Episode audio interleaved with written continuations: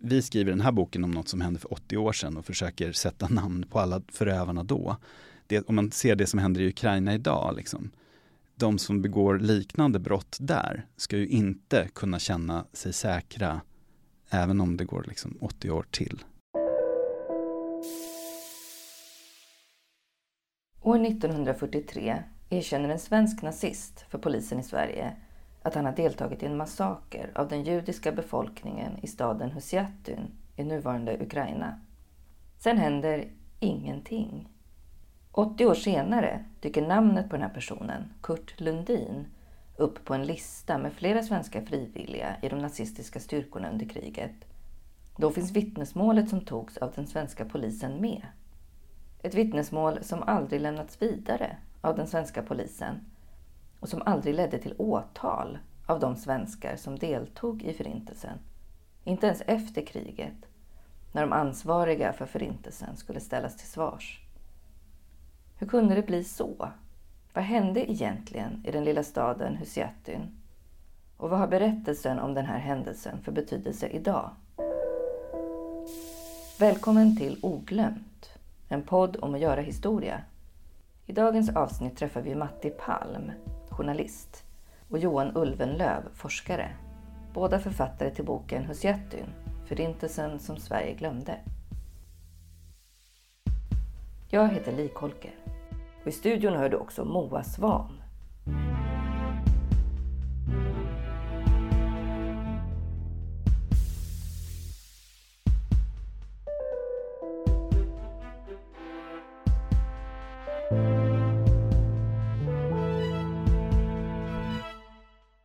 Välkomna till eh, det här avsnittet av podden Oglömt. Idag har vi med oss två personer. Eh, vi har Johan Ulvenlöv, välkommen hit. Eh, och Matti Palm, välkommen. Tack. Eh, och idag ska vi prata om er bok som ni har skrivit eh, tillsammans med en till författare, Anders Larsson, han är inte här idag. Eh, och den här boken handlar om Förintelsen som Sverige glömde. Husiatyn, som är en plats i Ukraina där det skedde eh, massaker på under andra världskriget. Eh, och ni har skrivit en bok om, om en förintelse som Sverige eh, glömde helt enkelt. Vi ska få veta mer om det idag. Ehm, och först då, då eh, det är ju en, en, ett förhör som gör att den här historien liksom rullar upp eller nystas upp redan 1943. Eller hur? Kan ni inte berätta lite hur det kom sig?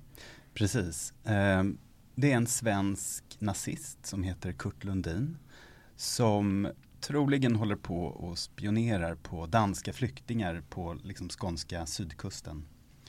Och eh, då blir han tagen av polisen när han har försökt stjäla en båt i Mölle i Skåne. Och eh, för att inte bli misstänkt för spioneri så kan man säga att han eh, måste förklara att han inte längre är nazist. För de vet ju om att han har eh, stridit för Hitler i Waffen-SS. Eh, så att säga de eh, liksom frivilligstyrkorna som utlänningar kunde ansluta sig till.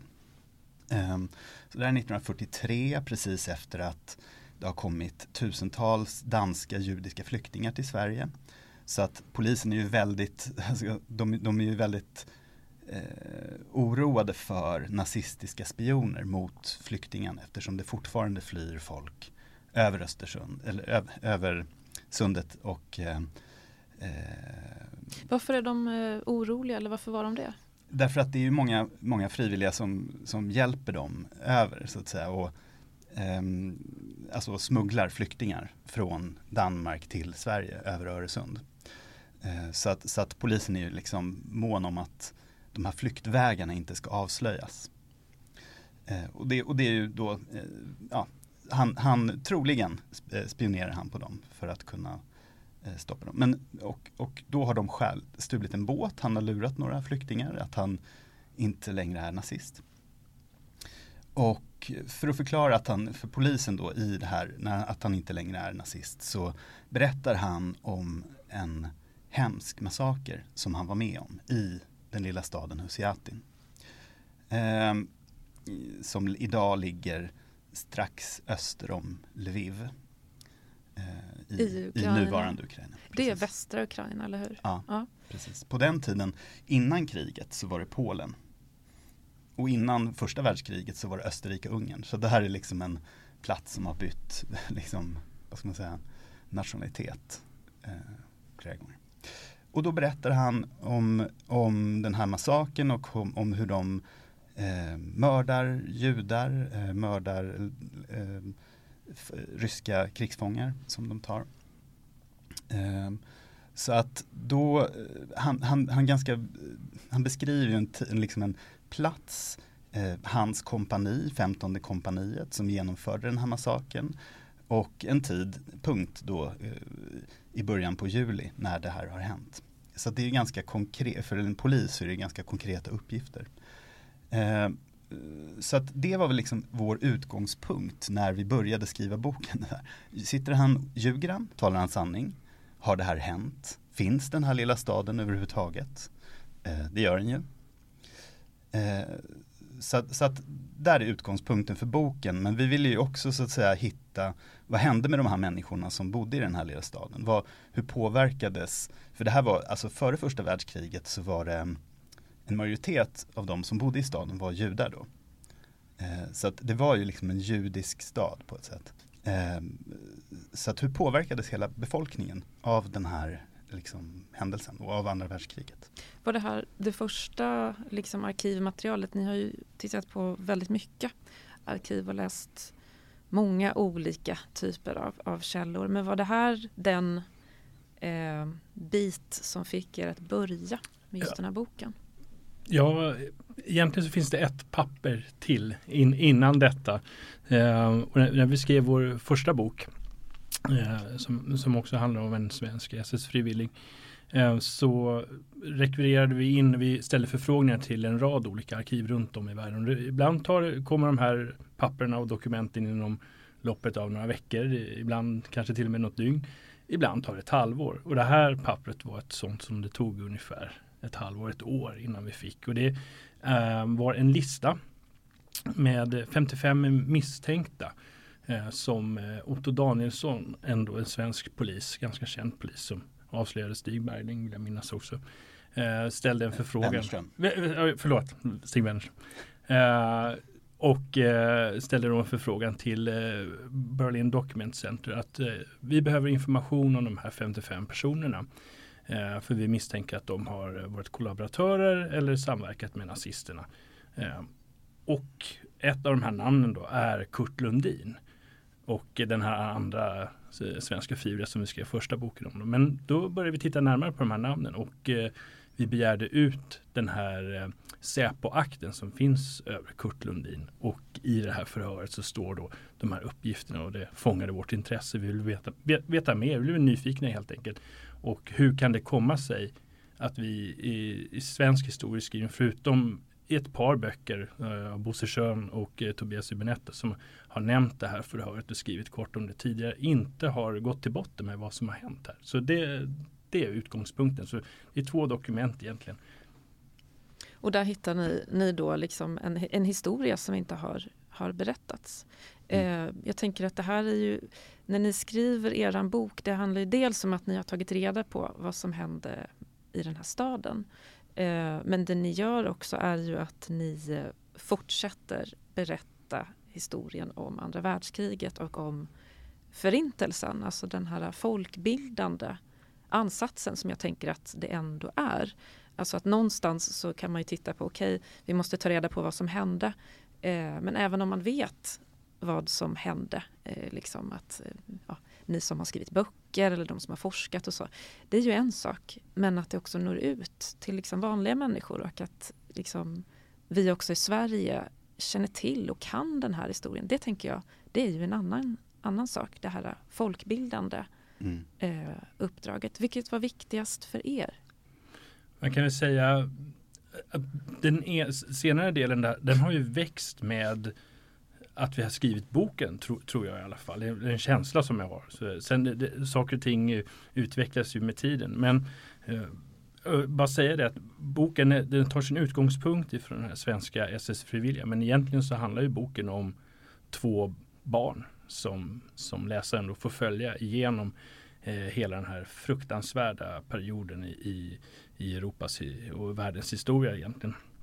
Vi vill ju liksom inte skriva en äventyrsbok om en svensk SS-frivillig. Alltså det, oavsett hur man gör. Det finns ju en del sådana böcker som beskriver olika eh, SS-frivilliga på ett sätt som att, ja, om man eh, det, det, blir ju lite från deras perspektiv då, utan det, det intressanta är ju snarare de drabbade. Jag menar, när huvud, liksom den här Kurt Lundin, den här personen, han är inte särskilt intressant eh, i sig. Liksom, utan, så det var ju en sak vi bestämde oss för väldigt fort, att vi måste beskriva det här från andra hållet. Liksom. Vad är det som är problematiskt då med att, att skriva om de här eh, bland annat svenska då, frivilliga SS-soldaterna och de här nazisterna. Vad är det som är problematiskt med det? Jo men alltså det blir ju ett eh, alltså, det blir ett perspektiv av att de Ehm, de hade lite olika skäl. De allra allra flesta var nazister sedan många år. Ehm, var liksom helt ehm, vad ska man säga ideologiskt övertygade av att de stred mot den liksom judisk bolsjevikiska kon stora konspirationen som de hade lärt sig om sedan tonåren ungefär. Det fanns ju andra som inte var liksom, ideologiska nazister som kanske anslöt sig.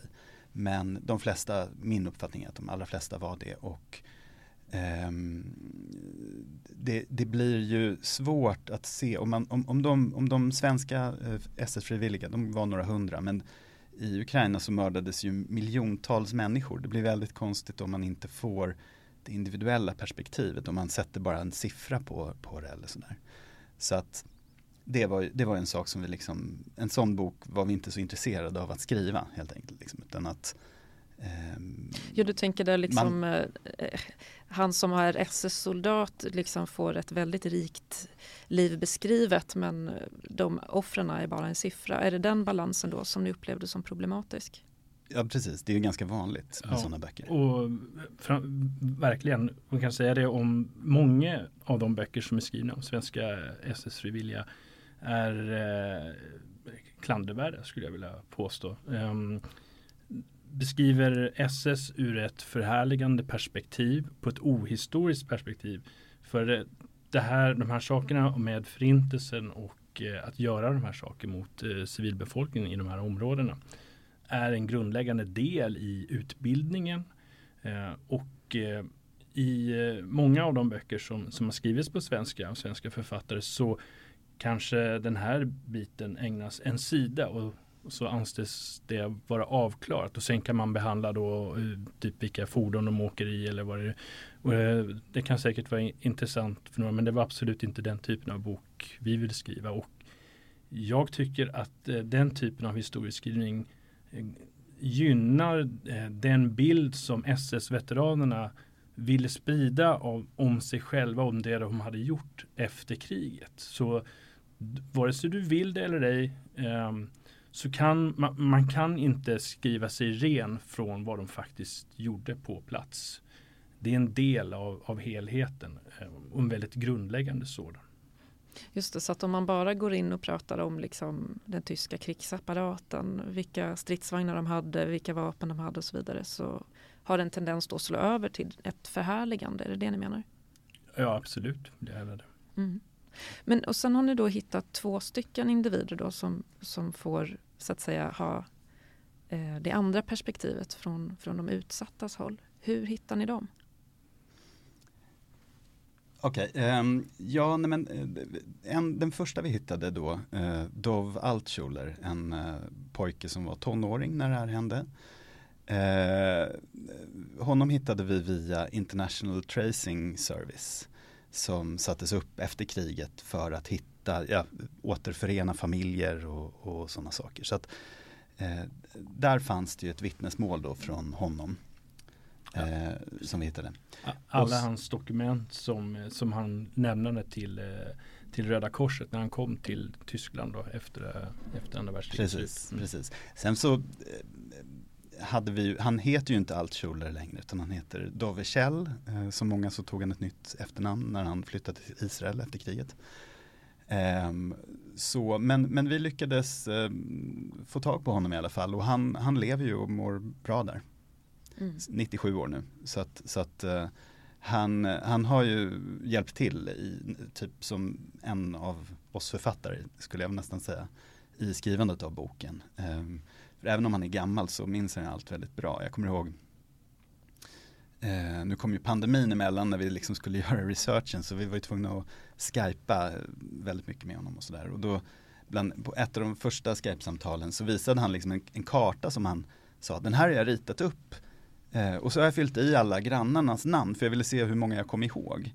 Eh, och kartan finns ju i boken, vi har ju fyllt på med lite ny information men det var liksom så här, jag vet inte, hur många grannar kommer ni ihåg sen ni var tonåringar?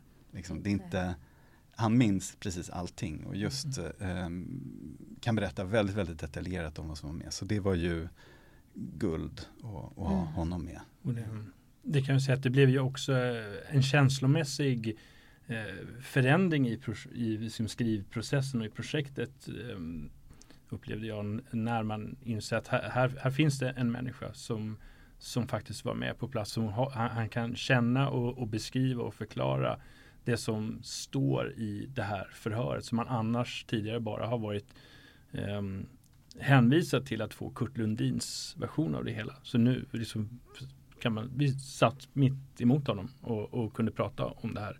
Mm. Eh, och eh, han är väldigt beslutsam och eh, med en ganska stor mått av cynism och, och humor. Um, kunde liksom vara med på den här resan. För det känns verkligen som att han har varit det. Mm. Eh, han brukade skämta med oss att ni, ni är anledningen till att jag fortfarande lever. Eh, jag, jag, köper, eh, vi köper inte, inte, bananer längre för vi vet inte om vi, ja, vi lever. Köper inte gröna vi köper inte gröna bananer. Nej, Ja, nej, men lite så, precis. Han så att, men han är väldigt gammal. engagerad. Mm. Han har ju liksom dokumenterat också vårt arbete för att sprida till sina mm. kompisar. Alltså sådär, liksom, mm. som att han ser det här som en väldigt eh, viktig ja, del av, av hans upplevelse av förintelsen. Men det, det, det, som han, han bidrar med då det är ju förutom eh, det som ni hittat eh, i det här arkivet med den här SS-nazisten, hans berättelse av massakern i Husiatyn. Eh, vad har ni mer haft för dokument, dokument liksom just om den här byn? För jag tänker just andra världskriget är ju på många sätt väldigt väl dokumenterat i och med ja, men de här Nürnbergrättegångarna och eh, Sovjet var ju också intresserade av att liksom eh, åtala före detta tyska nazister för att ja, man får väl förmoda av, av både eh, goda skäl men också att de förmodligen också ville framstå själva som, som lite bättre. Eh, vad, vad, har ni hittat mer liksom, om just den här byn? Hur viktigt var det mm. för att förstå? Det finns eh, olika delar här och dels så har vi letat överallt för att hitta fotografier och det finns faktiskt en hel del fotografier. Och det är ju nästan ett helt forskningsområde i sig eh, att, att, titta på de här fotografierna som de tyska soldaterna själva tog från de här övergreppen som de begick och från hela, alla de här fälttågen som, som de Det ser ut ungefär som semesterbilder ja. fast ibland så dyker det upp liksom en hög mördade mm. människor i rullen liksom. Så vad var vi, vi hittade ett antal bilder eh, från, eh, som visar mördade människor. Då. Dels i finska dagböcker från andra SS-frivilliga som, som kom från Finland men också hos en, en judisk eh, fotosamlare i New York. Så han visste inte var det här fotografiet eh, kom ifrån men vi kunde eh, på plats då sen när vi reste till Husia att liksom fastställa att det här fotografiet är taget ungefär vid den här tiden på dygnet ute, exakt ifrån den här positionen vid den här tågstationen. De här personerna som ligger här mördade beskrivs förmodligen i ett annat eh, i en annan tidningsartikel som en norsk SS-frivilliga hade skrivit. Så att det, det har varit ett pusslande. Sen eh, vad det gäller arkivmaterial så eh, gjorde ju Sovjetunionen som du nämnde en, en rad eh, undersökningar och eh, förhör med både tillfångatagna eh, tyskar. De flesta tyskarna från den här regionen lyckades fly västerut. Men eh, eh, det finns eh, åtminstone två större utredningar som eh, men det som är problemet här med de här sovjetiska utredningarna att de nämner inte just den här massakern som skedde i den här första vågen när de här soldaterna kom utan det, det rör sig om eh, de massakrerna som skedde lite något senare under 43, 42-43. Mm. Och eh, sen i de sovjetiska utredningarna så finns det naturligtvis överdrifter av både propagandaskäl och man vill kunna ställa krav på den tyska, eh, liksom den tyska staten efteråt. Men eh, en hel del är faktiskt, stämmer faktiskt väldigt väl. Och vi känner igen flera namn ifrån från de sovjetiska utredningarna som vi lyckades då få kopia på från, från US Holocaust Museum and Memorial i Washington. För de har kopior på de här. Mm. Nu, nu, får man inte tag på Nej, material från Ryssland. Men det där är ju en, en fantastisk historia. Vi har ju eh, en lärare på, på Södertörn på journalistiken som också har varit just i Washington arkivet och sagt att det är lättare att komma in i USA i Washington som journalist i deras arkiv med kopior än vad det är att komma in i arkiv i Berlin i Tyskland. Där är de mer re, eh, liksom ja, restriktiva. Ja, i Ludwigsburg, det är inte mm. helt, eller nej, alltså, ja precis. Bundesarkiv är inte jättelätt att få tag på. Nej. nej, så att det är bättre att åka till Atlanten och se kopiorna som, som amerikanerna gjorde innan de liksom drog från eh, Berlin. Liksom en, en fantastisk detalj bara i sig. Liksom. Men det är ju också Alltså, jag tycker att det är, det är ju en känslomässigt stark eh, berättelse. Hur mycket liksom, detaljer man än får från de här liksom, mer eh, men, mörka delarna av historien så blir man ju fortfarande väldigt eh, berörd. Vad har gjort er mest berörda i det här arbetet? Eh, alltså jag, jag, jag känner väl att, att man eh, lite, lite konstigt på ett sätt att skriva en bok men att och, och vi var ju ute efter att sätta dit de som hade gjort det här kan man säga.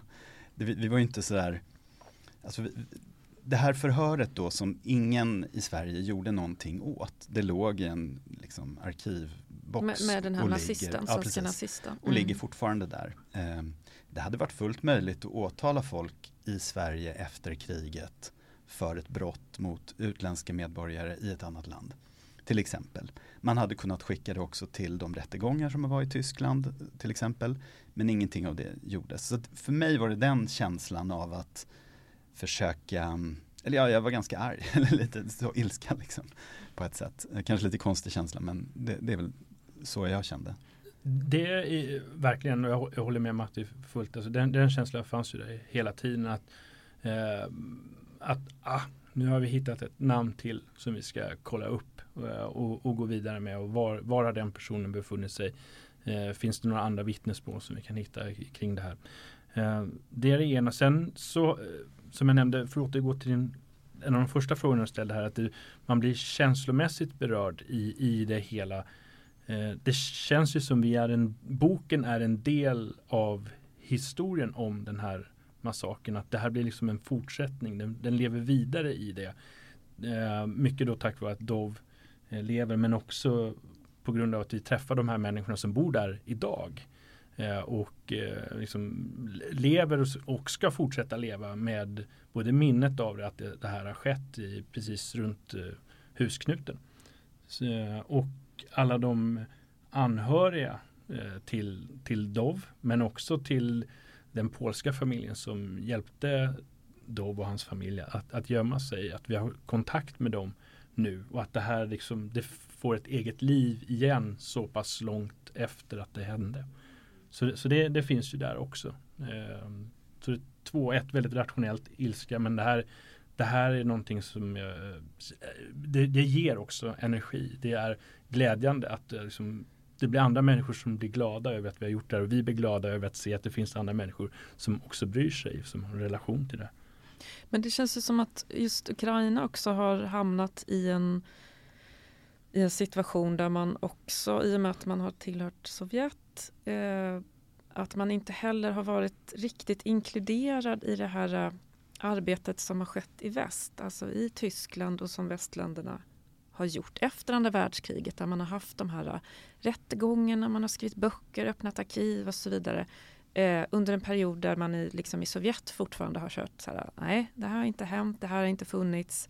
Eh, och att Sovjet också körde att nej men andra världskriget börjar ju liksom 1941 var det va? Och det heter inte det utan det heter det stora faderlandskriget eller det stora patriotiska kriget. Så att andra världskriget fanns ju inte ens då.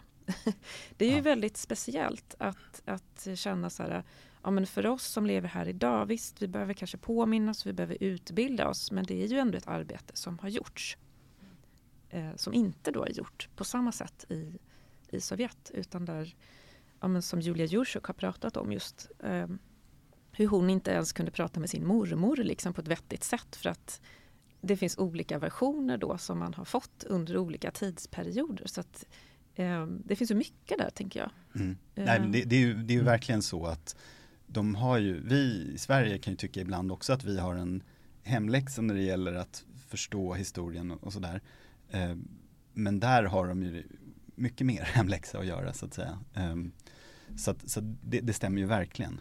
Och om man tittar på i dagens Ryssland och hur, hur, hur man trixar med orden kring nazism och sådana där saker så för dem är ju en nazist någon som krigar med Ryssland, punkt.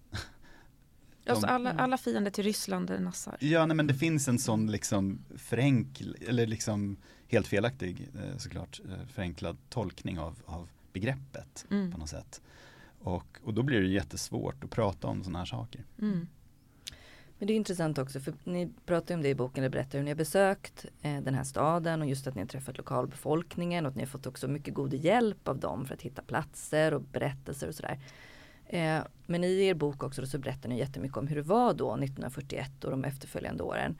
Att många av ukrainarna som bodde i den staden och i andra städer i regionen, de var ju ehm, och särskilt de ukrainska nationalisterna, de stöttade ju tyskarna och också den tyska liksom, idén om förintelsen och var också handgripligen med på att eh, mörda människor eh, och att ange människor och att eh, leta upp människor åt tyskarna och sådär. Hur hanterar man det idag i den här staden? Hur, ni, hur uppfattar ni att de tar hand om det här? Eh, för nu är ju också, jag tänker Ukraina är ju ett, ett läge nu där de ska liksom bygga upp sin historia igen och sitt Mm. minne eh, efter Sovjettiden och nu mitt under det här kriget som pågår. Eh, och att det är många aktiviteter i Ukraina just nu som handlar just om det. Att liksom hitta nya berättelser om sin egen historia. Eh, och det här är också förstås en del av deras egen historia. Hur, hur gör de? Mm. Det, det finns ja, o- olika, vi har mött olika sidor av det här kan man väl säga. Eh, från det officiella, vi kan börja så här, den som har hjälpt oss kanske mest är en person som heter Sergej. Eh, och han driver en lokal förening egentligen som försöker då upprätthålla minnet av eh, den judiska befolkningen och det judiska i, i staden Husjatin. Och driver att någon form av minnesmärke ska upprättas på platsen för massgraven. Han eh, reparerar efter sin egen, liksom, sina egna resurser vilket egentligen är in, är ingenting utan det är hans handarbete. Liksom. Så, Jag måste säga, ja, när, man ja. går, när man går runt i, i, på de här stigarna runt staden med honom så är det verkligen som att helt plötsligt hoppar han in i en buske här. Följ med, kom liksom och så borstar han av lite löv från liksom marken och så bara Här är- har vi en av de gravstenar som togs från den judiska begravningsplatsen för att förstärka vägarna här upp där tyskarna liksom, för det var en av huvudvägarna österut under anfallet mot Sovjetunionen liksom, som gick igenom den här lilla staden. Så då skövlade de hela den judiska begravningsplatsen och använde det som byggmaterial där. Så det är, lite, det är sånt han försöker att eh, återbörda eller göra någonting med, liksom hålla koll på vad det är. Och det, det, är han, det är hans två bekanta i princip som, som hjälper till med det. Så, och ett oerhört engagemang möter vi hos, hos de här människorna som egentligen inte har så mycket eh, att, att klara sig med. Eh, i, I strid mot kanske de lokala myndigheterna då som Ja, nej men vi, vi kan inte uppföra någon minnessten eller plakett. Eh, vi har inte pengar eller vi behöver mera bevis för att det här har skett. Eller Mm. så, så en, en sån stil. Så där har du byråkratin eh, men ändå liksom människorna som finns som vet om att det här eh, har skett och försöker bevara det. Och eh, också den äldre delen av befolkningen som eh, det finns de som är jämngamla med Dov då i Ehm, Olena Smyganovska är eh, en, en ukrainsk, eh, ukrainska då som är 96 ungefär nu som kommer ihåg det här och pratar om det och berättar om det för sin familj. Så att det, det finns ju levande det som har hänt. Men det, det, ingen var ju intresserad av att prata med de här människorna eh, direkt efter kriget eh, egentligen eh, och inte heller efter Sovjetunionens fall. Så det är ju den muntliga traditionen som finns. Eh, sen så stötte vi väl kanske inte så mycket på den här ukrainska nationalismen i, i, i när vi var Nej, men alla vi träffade ville ju hjälpa till ja. och var mm. själva väldigt nyfikna på att få reda på mer. Det var ju liksom den grundläggande eh, responsen. Eller liksom, I, även om vi klampade in i någons trädgård för att fota från en speciell vinkel och sen när de kom och frågade vad vi gjorde där så visade vi bild på liksom en hög döda människa. Alltså så, de, då, oh, kan ni mejla mig den? Det där vill jag veta mer om, vad det var, vad det var som hände. Alltså det var ju den Ja, så sammanfattningsvis, en nyfikenhet inför sin egen precis. historia mm. möttes vi av. Sen så, så kunde vi ju se att det, liksom, symboler, no, no, på någon, någon, plats som vi, som vi besökte så fanns det en sån här eh, varghake sprayad kanske på, no, på någon mur. Eh, men Vad betyder det? En, en nazistisk symbol som, som används eh, bland annat för en av de här styrkorna som eh, opererar i i östra Ukraina under kriget i Donbass då, 2014. Mm. Eh, men det är, det, är en, det är en symbol som används av SS och även i högerextrema eh, sammanhang. Men eh, vi, eh, vi kunde stanna på gatan och fråga känner ni till någon som, som, som vet någonting om det här? Och då börjar människor och ringa, ja nej men jag vet någon. Hon känner kan, en gammal tant. Jag känner en gammal tant. Jag ringer henne, stanna här. Så, så, nej men hon kanske inte kunde då. Så det, det är den eh, bilden som vi har fått med oss på vår resa. Sen förstår ju vi likväl att det, Ukraina är ett enormt land. Ja men det, det finns ju alla möjliga. Så att man, det finns alla varianter. Också, till exempel. Mm. Alltså, det är inte men sen har man väl också avfärdat lite eh, ukrainsk nationalism i tidigare, eh, vad ska man säga, västlig historisk tradition. Att eh, den här ja, att liksom nationalisterna, de som trodde att, att tyskarna skulle komma och rädda eh, Ukraina från Sovjet och så vidare. Alltså att man inte riktigt har velat ta i den berättelsen för att den är liksom nedsolkad och att man liksom ja, svårt ibland att eh, greppa det där, tycker jag det låter som. Alltså det är många, det är, det blir, det är många strömningar samtidigt. Det var det då och det mm. är det nu. Och, eh, precis som i, i, många länder, att man för att förstå sådana där saker så måste man liksom gå in på detaljerna och säga mm. att den här gruppen gör så här och de här gör så här. Jag menar det var ju, om man ska se Ukraina under kriget så var det ju eh, väldigt många ukrainare som, var, eh, som stred mot Hitler-Tyskland i Röda armén.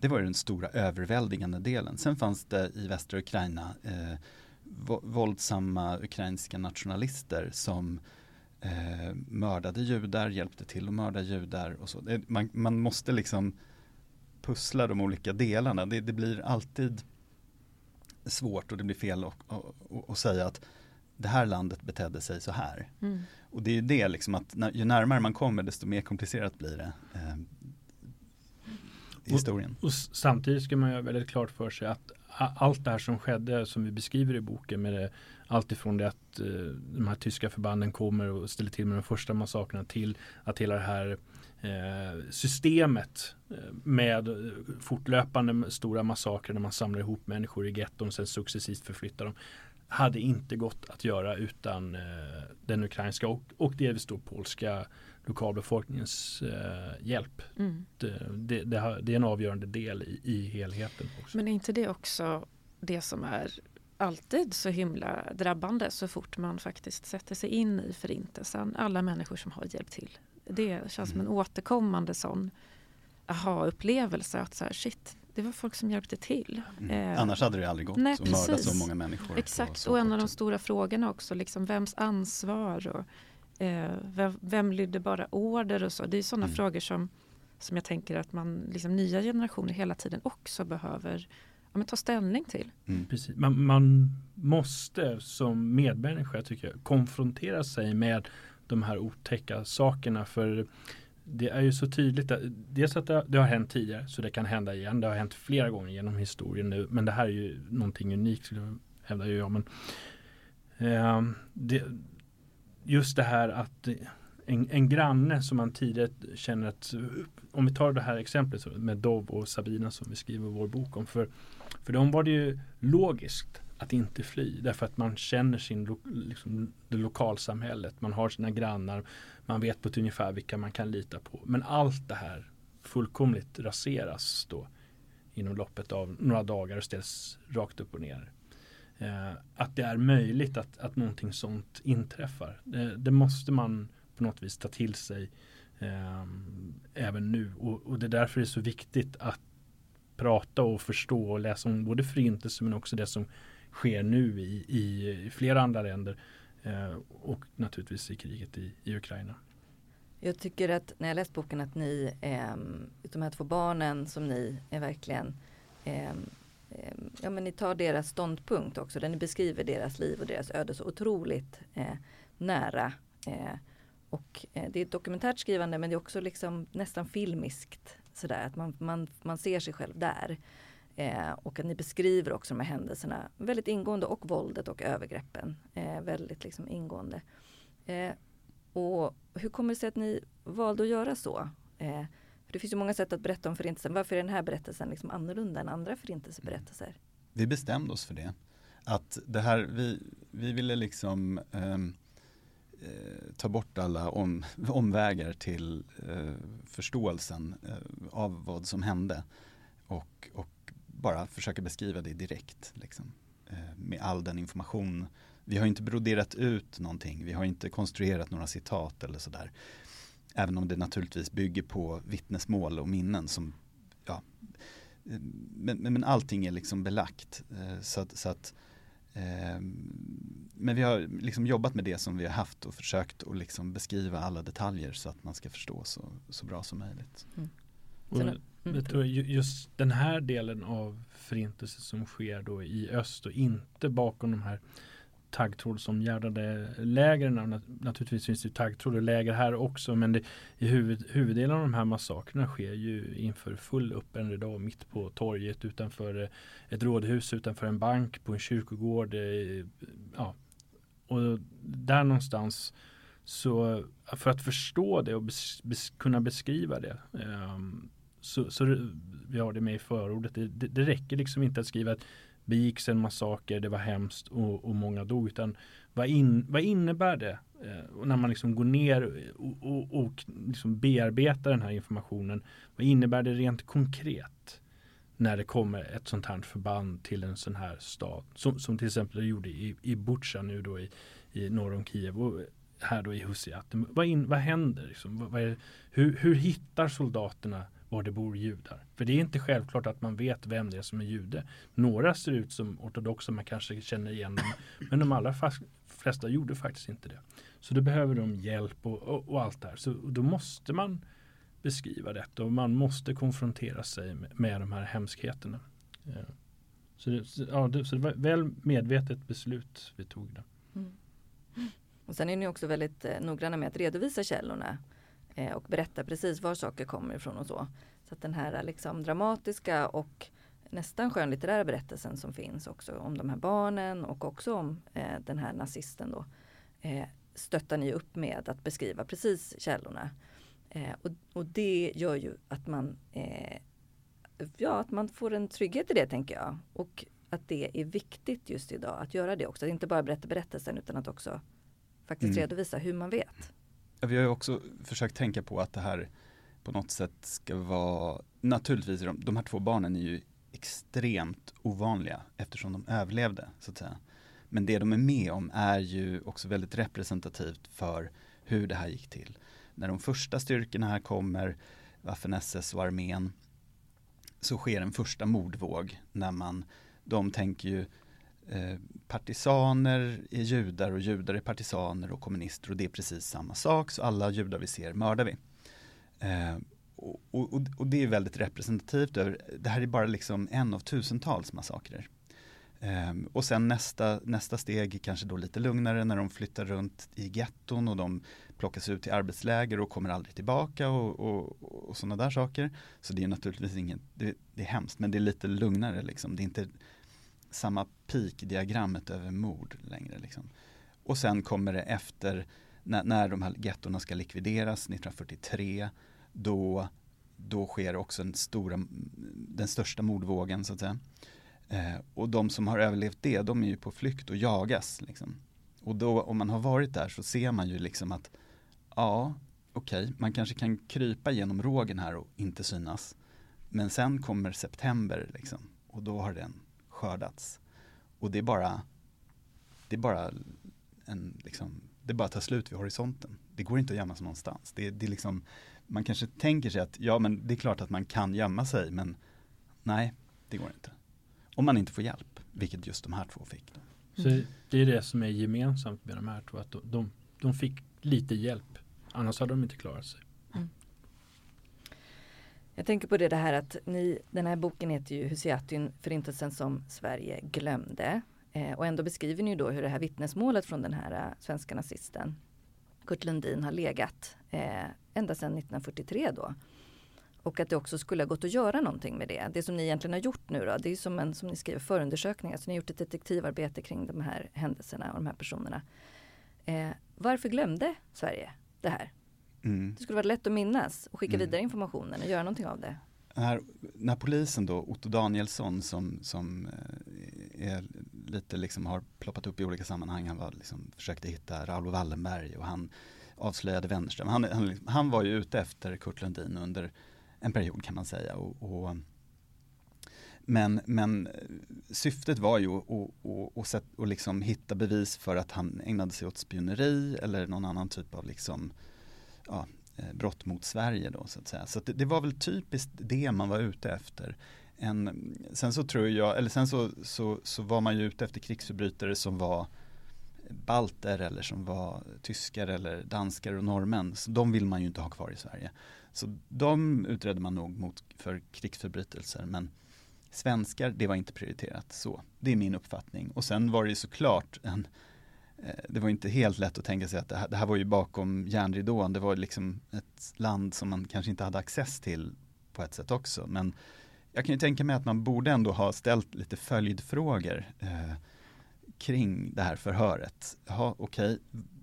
var, var du med om några fler sådana här massakrer? Kan du peka ut några personer som var delaktiga? Vad gjorde du själv? Vad gjorde de? Vem var befäl? Alltså, det är ju inte någonting sånt i det här förhöret. Mm. Ehm, men det tror jag är orsakerna. Håller du med Johan? Ja, jag, jag håller med och det, det är ju svårt att se någon, någon stor konspiration här eh, i detta. Och det är, eh, man märker att det, det, är ju, det är ju några av Sveriges mest erfarna poliser ändå. Vilket kanske gör att man samtidigt funderar var, varför står det ingenstans den här frågan ni absolut måste ha, ha tänkt på egentligen att ställa. Så deltog du själv i, i detta?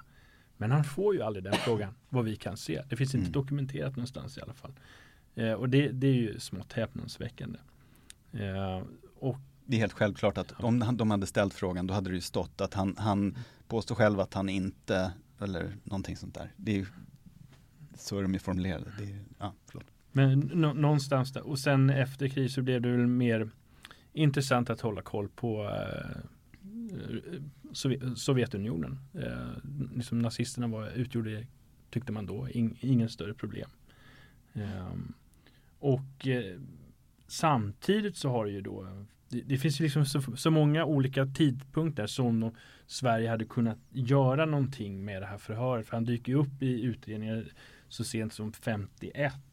Och sen har vi de stora rättegångarna som sker i Tyskland på 60-talet. Då, då det är eh, utredningar kring massakrer som sker just i det här området. Som visserligen de som skedde då 1942 och 43 i, i, i getton. Men det, det det Sverige hade kunnat göra väldigt enkelt det är ju att skicka den här informationen till den här rättsinstansen i Tyskland som, mm. som haft hand om det. Det hade man kunnat göra på ja. 50-talet, 60-talet, ja. 70 när som. När, när som helst. Så hade det troligen, eller så hade det ju plockats upp. Ja. Men det händer aldrig. Nej. Nej. Jag tänker också på det, den här listan då över eh, SS-frivilliga eh, som ni hittade så finns ju Kurt Lundin med men det finns andra namn. Till exempel Gustav Ekström som efter kriget fortsätter då engagera sig i nynazistiska partier och sen är han med och grundar Sverigedemokraterna då 1988. Yeah. Och det leder mig fram till att tänka hur boken har tagits emot i Sverige nu. Den kom ju förra året. Eh, hur uppfattar ni att man eh, tänker kring det här nu? Nu har vi ju Sverigedemokraterna i princip i regering eh, från och med förra året. Mm. Och ehm, ja, hur har, ni, hur har det tagits emot? Om man tänker tillbaks på när vi skrev den, den första boken som handlar om just Gustav Ekström. Så fanns det väl en, en, en viss skepsis skulle jag nog ändå vilja säga till vå, vågar man pra, från journalisthåll och så vågar, vågar man prata om det här, så här stämmer det här, kan man ta upp det här? Eller är det ohederligt på något sätt? Eh, men för vår del så är, finns det liksom i det här har ju hänt. Och även den historien om honom är liksom eh, som då handlar om att eh, han, han eh, går med frivillig i Waffen SS ungefär samtidigt som Kurt Lundin 41 eh, och härbärgerar sig sen i, på ett av de här SS-kontoren som är, är en rekvirerad fast, alltså det, de har vräkt ett judiskt äldreboende som de har beslagtagit och där sitter han och eh, tar fram nazistisk propaganda. Så det var vad han gjorde de facto då. Den här eh, Gustav Ekström. Gustav mm. Ekström som sen dyker upp i Sverigedemokraterna 1988. Det är ju jätteviktig information eh, för alla att ta del. Det är en del av, av Sverigedemokraternas eh, historieskrivning naturligtvis eftersom att han är, är med där och grundade partiet. Så enkelt är det. Mm. Precis, men, men, du frågade hur den här boken har tagits emot mot mm. bakgrund av att det handlar om, om nazism och, och folkmord eller sådär. Mm. Um, jag känner ju att, att folk, som, alltså folk som har recenserat den och sådär har ju varit väldigt positiva till den här, vad ska man säga, även om när vi skrev den så kanske man kände ibland att det är en lite komplicerad berättelse. Liksom. Att eh, vi, har en, vi har en svensk nazist i, i, som blir förhörd i Helsingborg och han har varit i Ukraina och eh, där har vi två barn som flyr eh, på ett kanske väldigt litet område, några kvadratkilometer under flera år så försöker de gömma sig. Eh, men sen på något sätt när vi började bli klara med boken då blev det ju krig igen i Ukraina. Eh, och på något sätt så var det ju precis det som vi har skrivit om i boken eh, på ett sätt ja, händer igen jag vill ju säga att det finns ju ingen kontinuitet mellan andra världskriget och vad som händer nu. Det är ju en liksom, rysk eh, propagandaidé. Det är ju inte en fortsättning nu på andra världskriget. Men det är ju samma saker liksom, när, när folk mördas och, och civila liksom, eh, utsätts för, för menar, hamnar i vägen på olika sätt och blir måltavlor. Så att, så att eh, på något konstigt sätt så knöts hela berättelsen ihop av det finns ju en del på Polismuseum, Historiska eh, museet, där man vill också visa på det över historien, hur massgravar ser likadana ut. Även oavsett om de är från medeltiden eller om de är från 1900-talet eller så. Utan mm. att det här, ja, men det här mänskliga lidandet på något vis, det ser likadant ut. Även om samhället förändras och orsakerna, liksom omständigheterna och så vidare. Det finns ju någonting som är ett djupare brott mot mänskligheten här som, som på något vis ja, liknar um, varandra. Mm. Ja, precis. precis. Jag tänker nu öppnar ju Sveriges museum om förintelsen i juni eh, med nya utställningar i Stockholm. Eh, och det är ju en del, Historiska museet ingår i en myndighet där Sveriges museum om förintelsen också ingår. Då.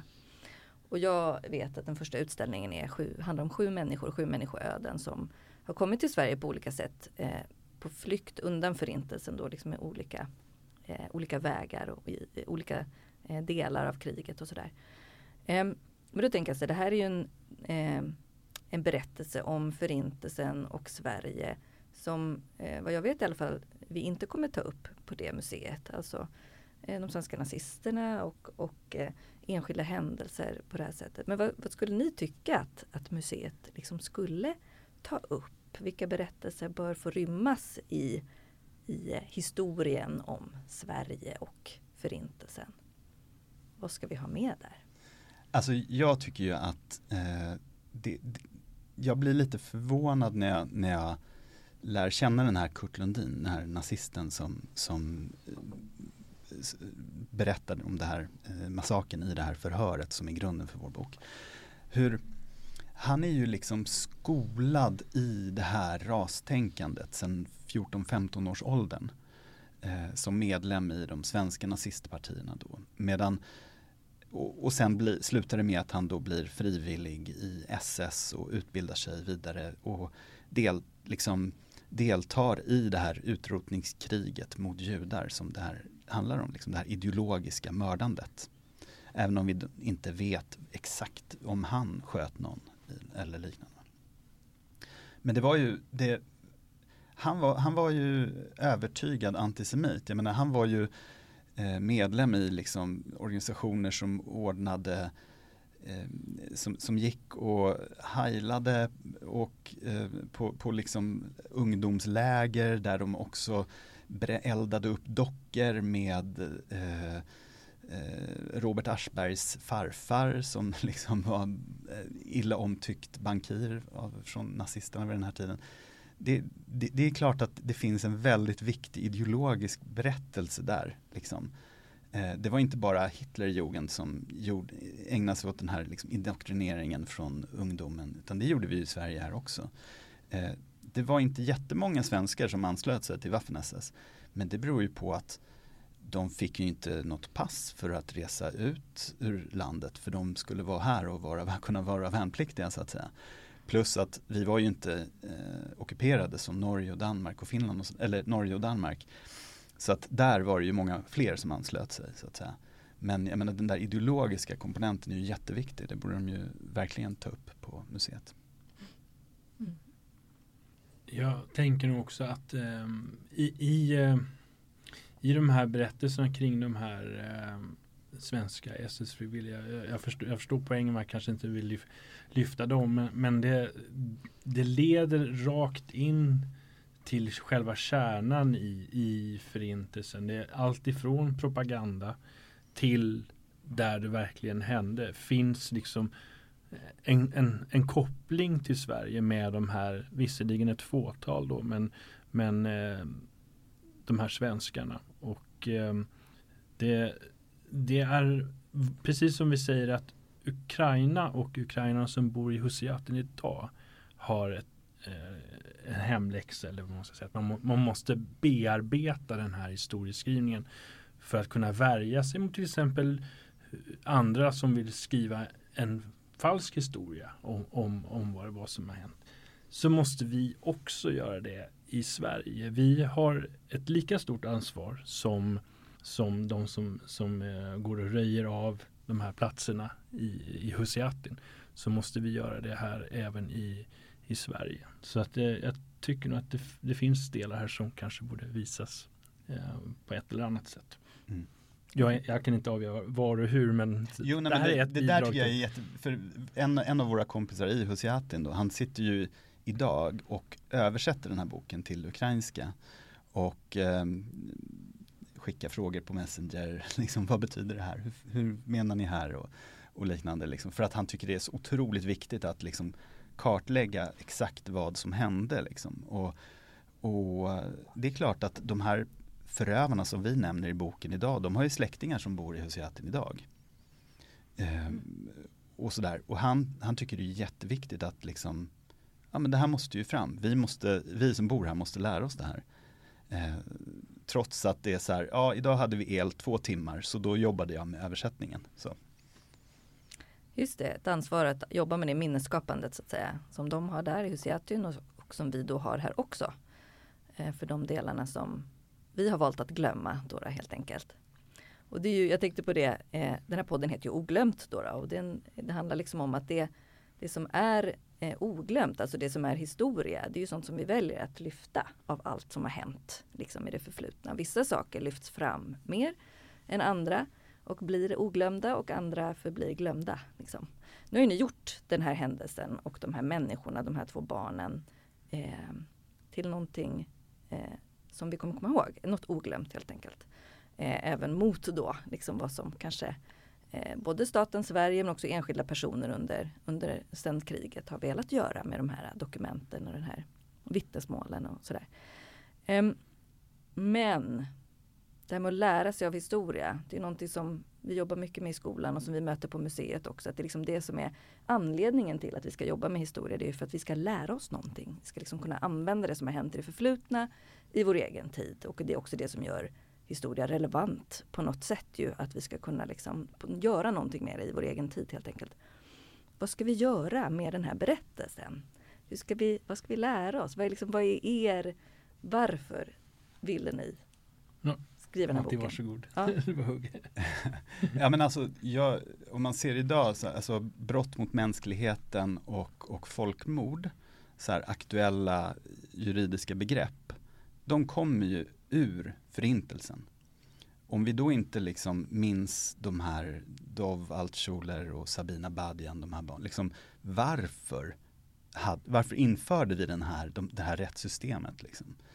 Eh, jag tror det är otroligt viktigt att komma ihåg de här detaljerna för att behålla liksom, eh, styrkan i den liksom, internationella lagen som, som ändå, eh, jag menar, vi skriver den här boken om något som hände för 80 år sedan och försöker sätta namn på alla förövarna då. Det, om man ser det som händer i Ukraina idag, liksom, de som begår liknande brott där ska ju inte kunna känna sig säkra även om det går liksom 80 år till, tänker jag. Genom den här boken har berättelsen om Husiatyn, om Dov Altschuler och Sabina Badian som levde där, om svenskars inblandning i övergreppen och dödandet som skedde där och även om svenska myndigheters agerande under kriget blivit till en del av historien om Förintelsen. Och författaren upplever att den smärta och kanske även ilska som boken kan orsaka genom att gräva fram och blottlägga fruktansvärda händelser i det förflutna ändå kan leda till något bra. För Dov och hans familj, för släktingarna till de som försökte hjälpa Dov och Sabina och för människorna som lever i Husiati nu och som måste förhålla sig till minnet av det som hänt där. Och det är ju en stor del av vad historieskrivning handlar om. Att göra skillnad i vår egen tid. Du har lyssnat på Oglömt, en podd om att göra historia. Programledare var Moa Svan som också producerade och Li Kolker. Tekniker Florence Agostini.